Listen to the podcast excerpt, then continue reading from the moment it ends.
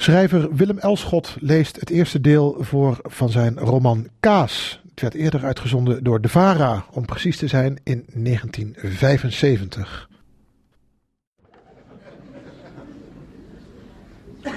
Ik zal voorlezen het begin van het boek Kaas. Dus een paar hoofdstukken, waarin dus uh, een klerk aan een fabriek, die helemaal geen aanleg heeft om uh, zaken te doen, zich laat verleiden om uh, zijn kantoor tijdelijk te verlaten en zaken voor eigen rekening te doen. En namelijk, hij wil vertegenwoordiger worden van een Nederlandse groothandelaar in kaas vertegenwoordiger voor België en het Groothertogdom Luxemburg. Nou dan. Begin is de beschrijving van het milieu waarin hij ertoe gebracht wordt om dat te doen. Meneer Van Schoon, verstaan ze mij geen daarachter in de zaal? Heel slecht.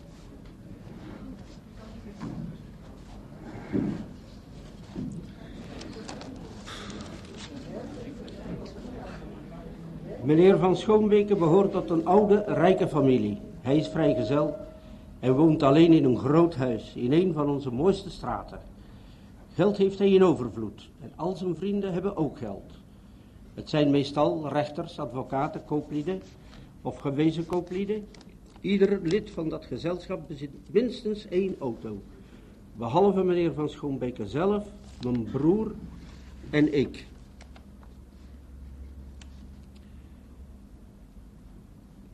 Meneer van Schoonbeke zou zelf een auto kunnen hebben als hij wilde. En niemand weet dat beter dan zijn vrienden zelf. Ze vinden het dan ook eigenaardig en zeggen wel eens die drommelse Albert.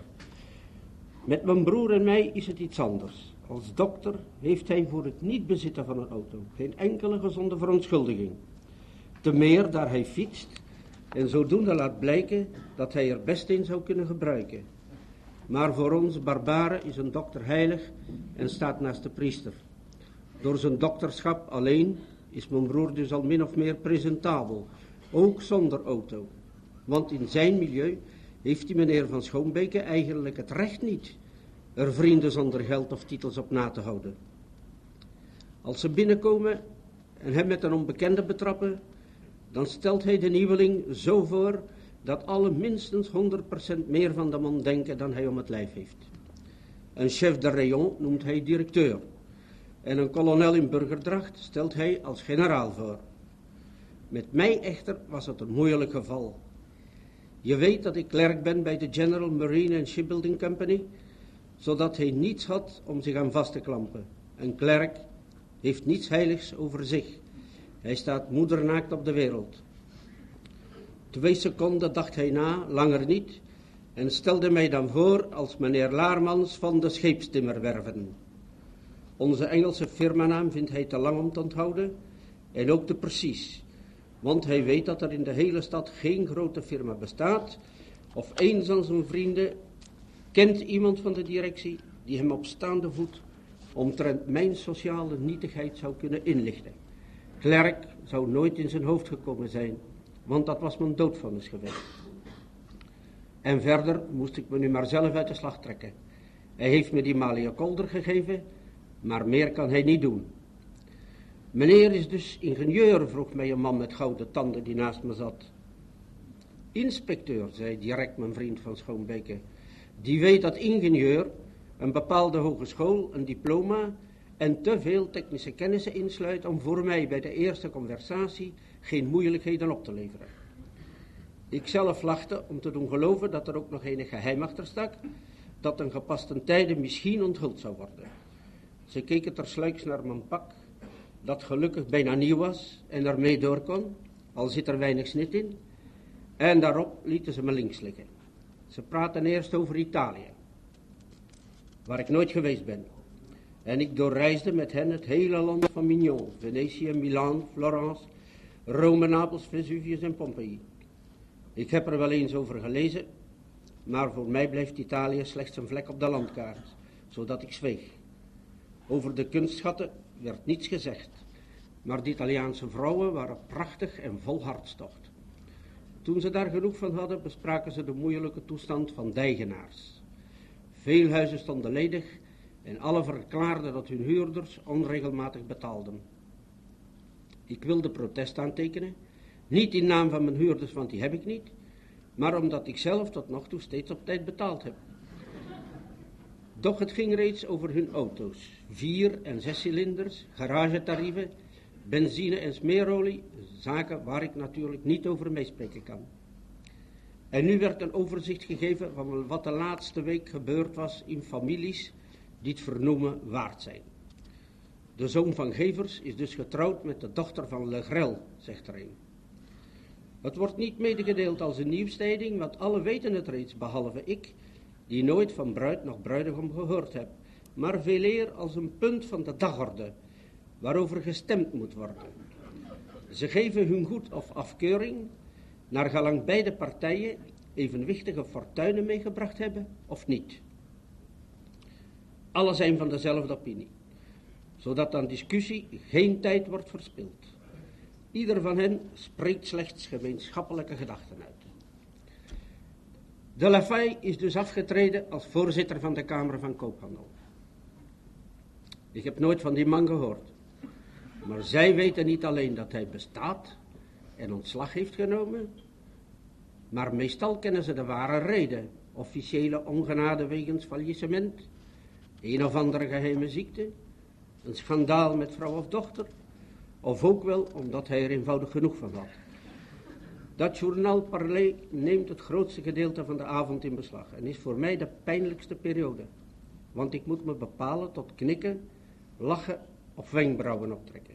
Ja, ik leef daar voortdurend in angst en later meer zweet dan bij het sterven van mijn moeder. Je weet, toen, je weet nu hoe ik toen geleden heb, maar dat was tenminste in één nacht over. Aangezien zij buiten het huis van mijn vriend geen omgang met mij hebben, kunnen ze mijn naam niet onthouden en gaven mij in het begin allerlei namen die slechts op de mijne geleken. En daar ik toch niet telkens terechtwijzen kon door steeds weer te herhalen, pardon, Laarmans, zijn ze er tenslotte toe gekomen eerst mijn vriend van Schoonbeke aan te kijken en tot hem, waar ik bij zit, te zeggen, uw vriend beweert dat de liberalen, en dan pas kijken ze in mijn richting. Het noemen van mijn naam is op die manier overbodig. En uw vriend betekent dan tevens dat die van Schoonbeke eigenaardige vriendjes begint op na te houden.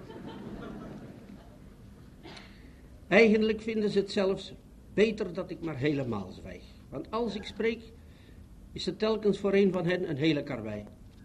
Uit beleefdheid tegen de gastheer is er dan ingedwongen mij een overzicht te geven van de geboorte, de jeugd, de studies, het huwelijk en de carrière van een of andere lokale beroemdheid, waarvan zij die avond alleen de begrafenis wilden bespreken. Aan de restaurants heb ik ook een broertje dood. Verleden week heb ik met mijn vrouw een snap gegeten in de Trois Perdrix in Dijon. Waarom hij zegt dat zijn vrouw heeft meegegeten, begrijp ik niet. Dus een escapade met je wettige vrouw, kerel, zegt een ander. En dan gaan ze restaurants noemen, tegen elkaar op, niet alleen in België, maar tot ver in het buitenland. De eerste keer, toen ik nog niet zo schuw was, vond ik het mijn plicht er ook een te citeren. En wel in Duinkerken. Een schoolkameraad had me jaren geleden gezegd dat hij daar gedineerd had op zijn huwelijksreis. En ik had de naam onthouden omdat het de naam van een bekend vrijbuiter is.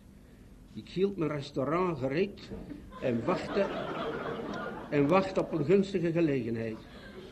Maar ze hadden het ditmaal over Saulieu, Dijon, Grenoble, Digne, Grasse en waren dus blijkbaar op weg naar Nice en Monte Carlo, zodat ik nu bezwaarlijk Duinkerken vernoemen kon.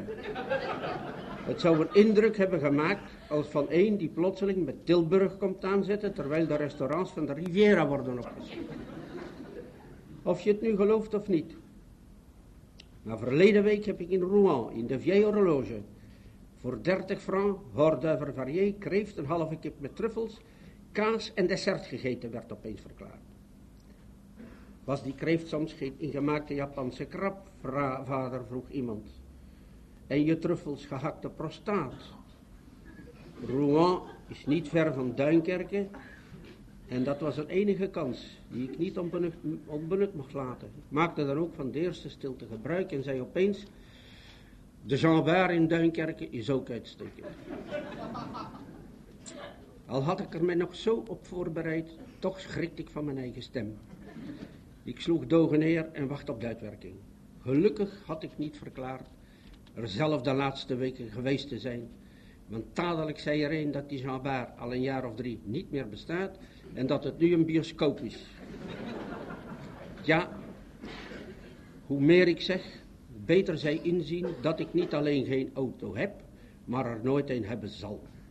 Zwijgen is dus de boodschap, want ze beginnen mee in de gaten te houden en vragen zich zeker af hoe Van Schoonbeker toe gekomen is mij gastvrijheid te verlenen. Was het niet voor mijn broer die door Van Schoonbeker wel eens patiënten krijgt, ik zou het hele gezelschap al lang naar de duivel hebben gezonden. Met de week werd het mij duidelijker dat mijn vriend in mij een hinderlijke protégé heeft. En dat het zo niet kon blijven duren. Toen hij mij verleden woensdag plotseling vroeg of ik er niets voor voelde vertegenwoordiger in België van een grote Nederlandse firma te worden. Het waren zeer ondernemende mensen, voor wie hij pas een groot proces gewonnen had. Ik kon het agentschap direct krijgen. Het was voldoende dat hij me zou aanbevelen en daartoe was hij gaarne bereid. Er was geen geld voor nodig. Denk er eens over na, raadde hij, er is veel geld mee te verdienen. En jij bent de geschikte man. Dat was wel een beetje brutaal van hem, want ik vind dat niemand mij geschikt vinden moet voordat ik mezelf geschikt heb gevonden. Maar toch was het aardig dat hij mij zonder enige conditie in de gelegenheid stelde mijn eenvoudige plunje van klerk bij de General Marine and Shipbuilding Company uit te trekken en zomaar ineens koopman te worden. Zijn vrienden zouden dan wel 50% van hun hooghartigheid laten vallen met hun beetje centen. Ik vroeg hem dan wat voor soort handel zijn Hollandse vrienden dreven. In kaas, zei mijn vriend. En dat marcheert altijd, want eten moeten de mensen toch. Op de tram, onder het naar huis rijden, voelde ik, voelde ik mij al een heel andere man. Ik weet dat ik naar de 50 loop en mijn 30 jaren dienstbaarheid hebben natuurlijk hun stempel op mij gedrukt. Klerken zijn nederig, veel nederiger dan werklieden die door opstandigheid en eendracht enige eerbied hebben afgedwongen. Men zegt zelfs dat ze in Rusland de heren geworden zijn. Als het waar is, dan hebben ze dat verdiend, denkt mij. Ze schijnen het trouwens met hun bloed gekocht te hebben, maar klerken zijn over het algemeen weinig gespecialiseerd en passen zo goed in elkaar dat zelfs een man met een lange ondervinding een trap onder zijn vijftigjarige trouwe kont krijgt en vervangen wordt door een ander die even goed en goedkoper is. Daar ik dat weet en kinderen heb, vermijd ik zorgvuldig kwestie te krijgen met onbekenden, want het kunnen vrienden van mijn patroon zijn. Ik laat me dus op de tram een beetje verdringen en doe niet te heftig als iemand op mijn tenen trapt. Maar die avond kon het mij alles niets meer schelen. Die kaasdroom zou immers in vervulling gaan. Ik voelde dat mijn ogen reeds een vastere blik afgaven. En stak mijn handen in mijn broekzakken met een losheid die mij een half uur tevoren nog volkomen onbekend was. Thuisgekomen ging ik heel gewoon aan tafel zitten, speerde zonder een woord over de nieuwe mogelijkheid die zich voor mij opende en moest innerlijk lachen toen, toen ik zag hoe mijn vrouw met haar gewone zuinigheid de boter smeerde en het brood sneed. Nu ja, zij kon niet vermoeden dat ze morgen misschien de vrouw van een koopman zou zijn. Ik at, zoals altijd, niet meer of niet minder, niet haastiger of niet langzamer. Met één woord, ik at als iemand die erin berust dat hij zijn dertigjarig knechtschap bij de General Marine and Shipbuilding Company met nog een onbepaald aantal jaren zal moeten aanvullen. En toch vroeg mijn vrouw wat ik aan de hand had. Wat zou ik aan de hand hebben, vroeg ik terug. Daarom begon ik het huiswerk van mijn twee kinderen na te zien. Die ontdekte een krakende fout in een participatie en verbeterde die zo zwierig en vriendelijk dat mijn zoontje verrast opkeek. Waarom kijk je zo Jan, vroeg ik. Ik weet het niet, lachte de jongen met een blik van verstandhouding in de richting van mijn vrouw. Hij scheen dus ook al iets aan me te merken. En ik die altijd gedacht heb dat ik mijn gevoelens zo meesterlijk verbergen kon. Dat moet ik dan toch zien te leren, want in de handel zal dat zeker te pas komen. En als mijn gezicht zo'n open boek is, dan moet er tijdens, het journaal Parley dikwijls moord en doodslag op te lezen staan. Het echtelijk bed vind ik de meest geschikte plaats voor het bespreken van ernstige aangelegenheden. Daar ben je tenminste alleen met je vrouw. De dekens dempen de stemmen, de duisternis bevordert het nadenken, en daar je elkaar niet zien kunt, wordt geen van beiden beïnvloed door de aandoeningen van de tegenpartij. Daar wordt alles meegedeeld wat men met open vizier niet goed durft te zeggen. En daar was het dan ook dat ik, toen ik goed op mijn rechterzij lag, na een inleidende stilte aan mijn vrouw zei dat ik koopman ging worden.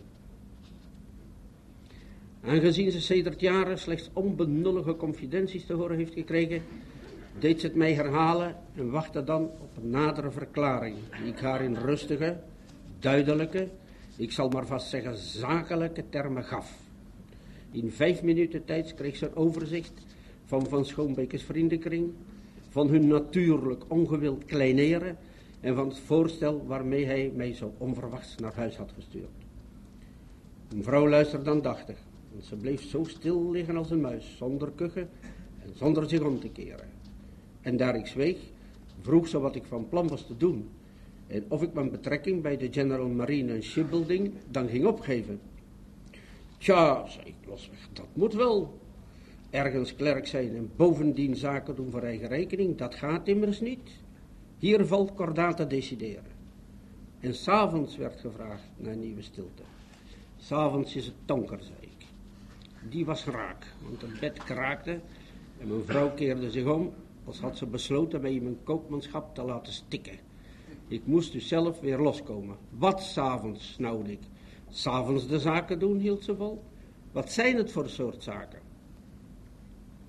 Moest nu wel bekennen dat het in kaas was. Het is vreemd, maar ik vond aan dat artikel iets walgelijks en iets belachelijks. Het zou me liever geweest zijn indien ik in iets, iets anders had mogen handelen, bijvoorbeeld bloembollen of gloeilampen, die toch ook specifiek Hollands zijn. Zelfs haring, maar dan toch liefst bij voorkeur droge. Maar die firma over de Moerdijk kon om willen toch niet van bedrijf veranderen. Dat begreep ik wel. Een raar artikel, vind je niet? Maar dat vond mevrouw nu juist niet. Dat marcheert altijd, meende ze, precies zoals Van Schoonbeke gezegd had. Die aanmoediging deed me deugd. En ik zei dat ik de General Marine en Shipbuilding de volgende ochtend maar vast naar de bliksem zou zenden. Ik wilde toch nog even naar kantoor gaan om afscheid te nemen van mijn collega's. Maar begin dan toch met dat agentschap aan te vragen, meende mevrouw. En dan kan je altijd nog zien wat je te doen staat. Je lijkt wel bezeten. Dat laatste was erg oneerbiedig tegenover een man van zaken, maar de raad was goed. Trouwens, ik had het wel gezegd, maar daarom zou ik het nog niet gedaan hebben.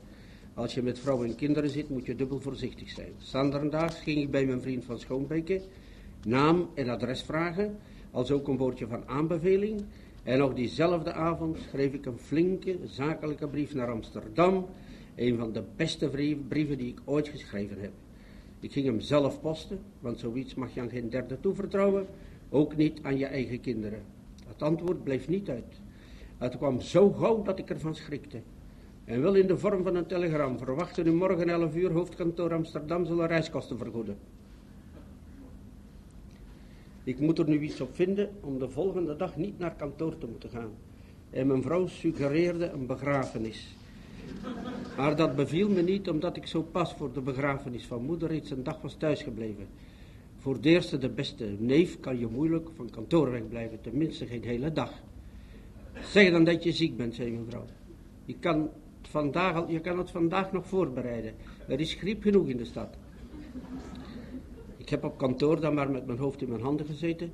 En morgen ga ik naar Amsterdam om kennis te maken met de firma, Hornstra.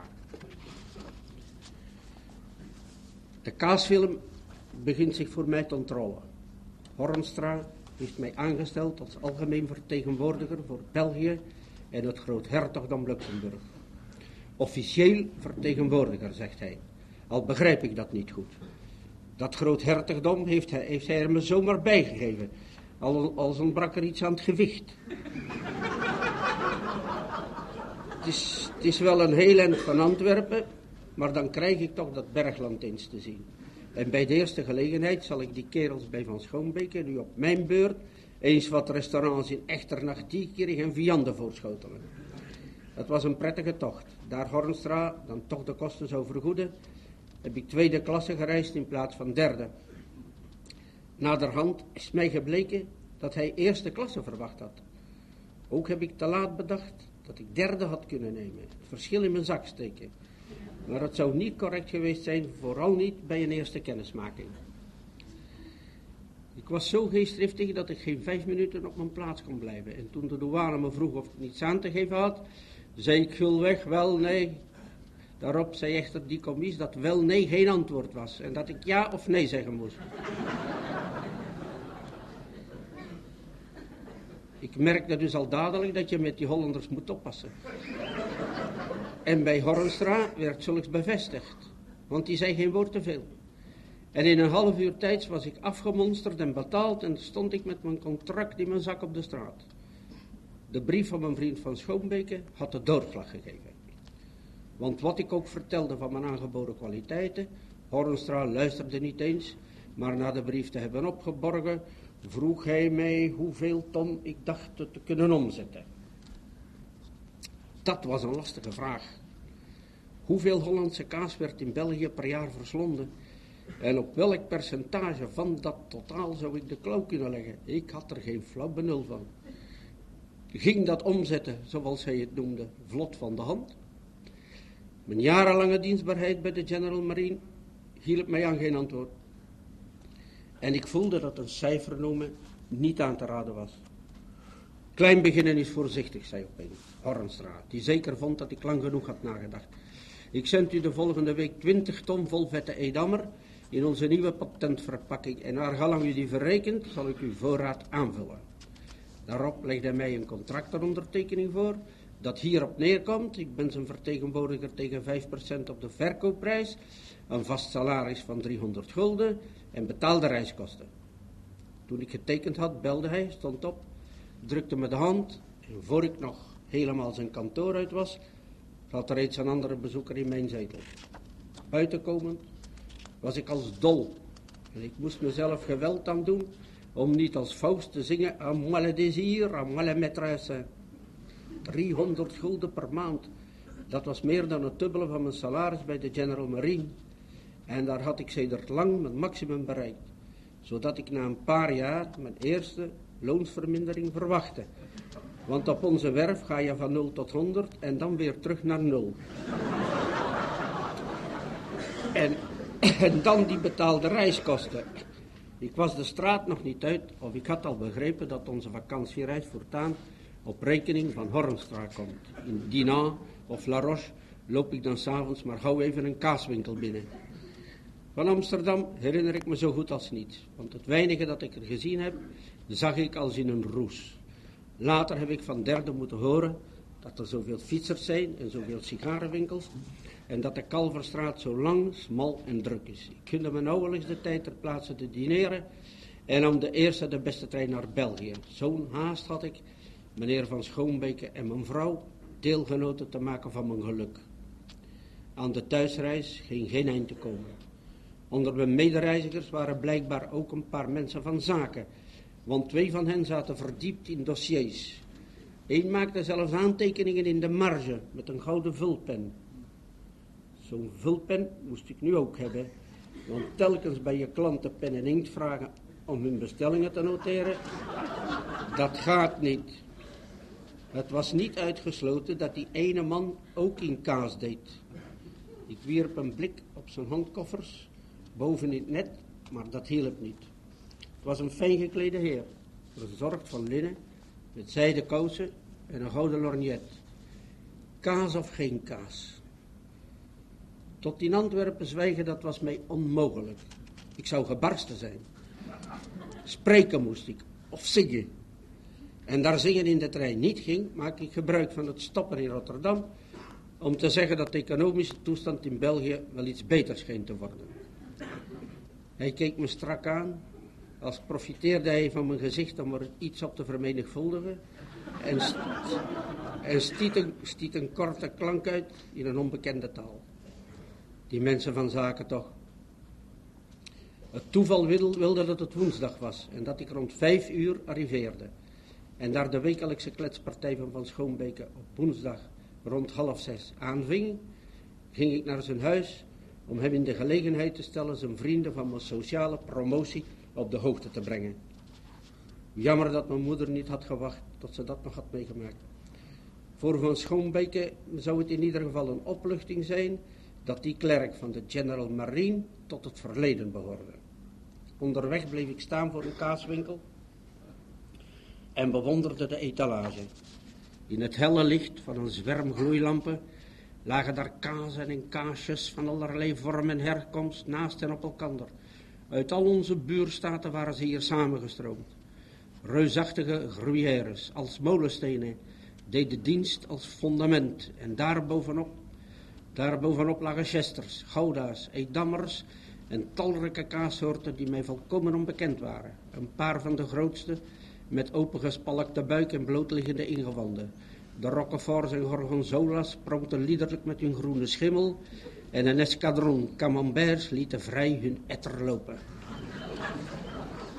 Uit de winkel kwam een ademtocht van verrotting, die echter verminderde toen ik er een tijd lang stond. Ik wilde niet wijken voor die stank en zou pas weggaan als ik zelf vond dat het tijd werd. Een man van zaken moet gehard zijn als een poolreiziger. Stinkt maar op, zei ik uitdagend. Had ik een zweep gehad, dan was ik ze te lijf gegaan. Ja, meneer, het is niet uit te houden, antwoordde een dame die naast me stond en die ik niet had zien komen. Dat hardop denken op de openbare weg moet ik zien af te leren. Want ik heb wel, meer, wel meer, eens meer mensen doen schrikken. Voor een anonieme klerk heeft dat weinig belang, maar voor een man van zaken is het iets anders. Ik spoedde me nu naar mijn vriend van Schoonbeke toe, die mij geluk wenste met mijn succes en mij aan zijn vrienden opnieuw voorstelde alsof ze mij voor het eerst zagen. Meneer Laarmans, groothandelaar in voedingswaren. En daarop schonk hij de glazen vol. Waarom had hij voedingswaren gezegd in plaats van kaas? Hij scheen dus ook iets tegen dat artikel te hebben. Zowel als ikzelf. Wat mij betreft, ik moest me daar ten spoedigst overheen zetten. Want een man van zaken moet vertrouwd en vergroeid zijn met zijn artikel. Hij moet ermee leven. Hij moet erin ploeteren. Hij moet er naar ruiken. Dat laatste zou met kaas niet moeilijk zijn, maar ik bedoel het meer in figuurlijke zin. Alles wel beschouwd is kaas, behalve dan de lucht, een edel artikel, vind je niet? Het wordt sedert eeuwen gefabriceerd en het is een van de eerste bronnen van rijkdom van de Hollanders, die een broedervolk van ons zijn. Het dient tot voeding van groot en klein, van jong en oud. Iets dat door de mens gegeten wordt, krijgt daardoor vanzelf een zekere adel over zich. Ik geloof dat de Joden hun eetwaren zegenen. En moet een christenmens niet bidden voor hij kaas eet? Dan hadden mijn collega's in meststoffen heel wat meer reden tot klagen. En afval van vis, ingewanden van zoogdieren, krengen en dergelijke. Die worden toch ook verhandeld, tot ze op de plaats komen waar ze aan het mensdom hun laatste dienst bewijzen. Onder Van Schoonbekes geregelde tafelgangers waren verscheidene kooplieden, alvast twee in granen. Want daar hadden zij het al over gehad. Waarom moest kaas worden achtergesteld bij graan? Ik zou ze dat vooroordeel wel spoedig afheksen. Wie het meest verdient, is tenslotte de baas. De toekomst ligt voor mij open en ik ben vastbesloten mijn hele ziel in die kaas te leggen. Hier is een goed plaatsje, meneer Laarmans, zei de bezoeker, wiens houding mij altijd het meest had tegengestaan. Niet die met zijn tanden, maar een chique kale vent die goed praten en geestig kon zijn, zelfs tijdens het journaal dat me zo de keel uithing. En meteen maakte hij plaats, zodat ik ditmaal voor het eerst waarlijk in hun kring zat.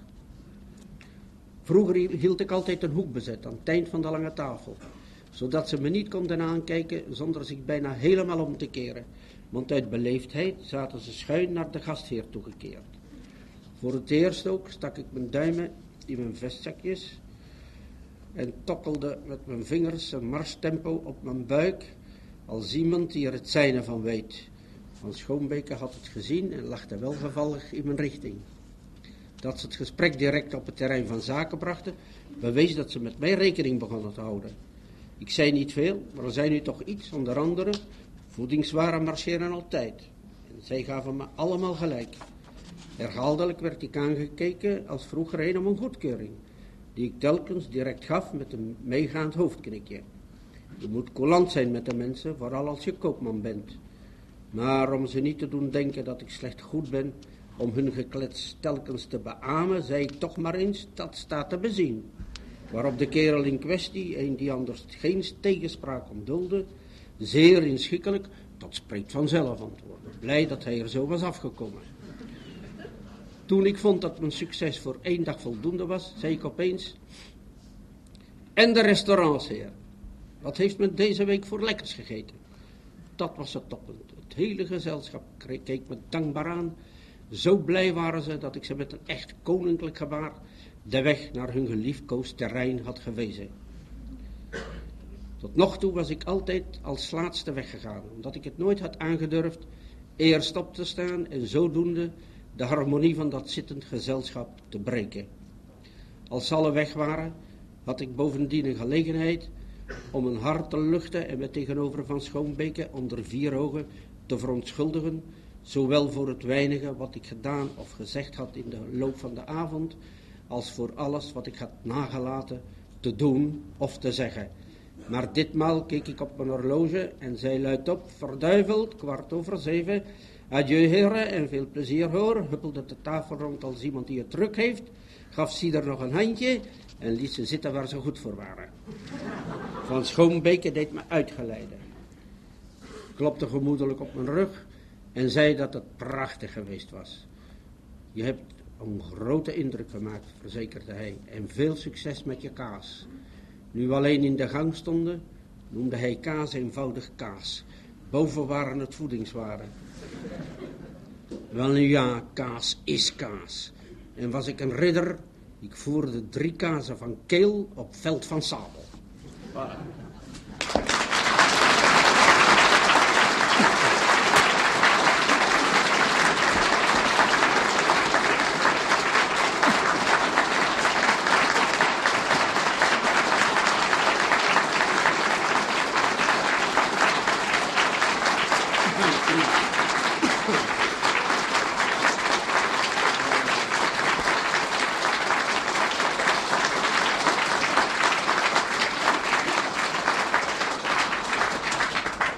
Nou, ik dank het publiek voor de talrijke opkomst de talloze blijken van sympathie die ze mij betoond hebben. Ik geloof dat in mijn eigen stad zou ik nooit de helft van die mensen bij elkaar kunnen krijgen.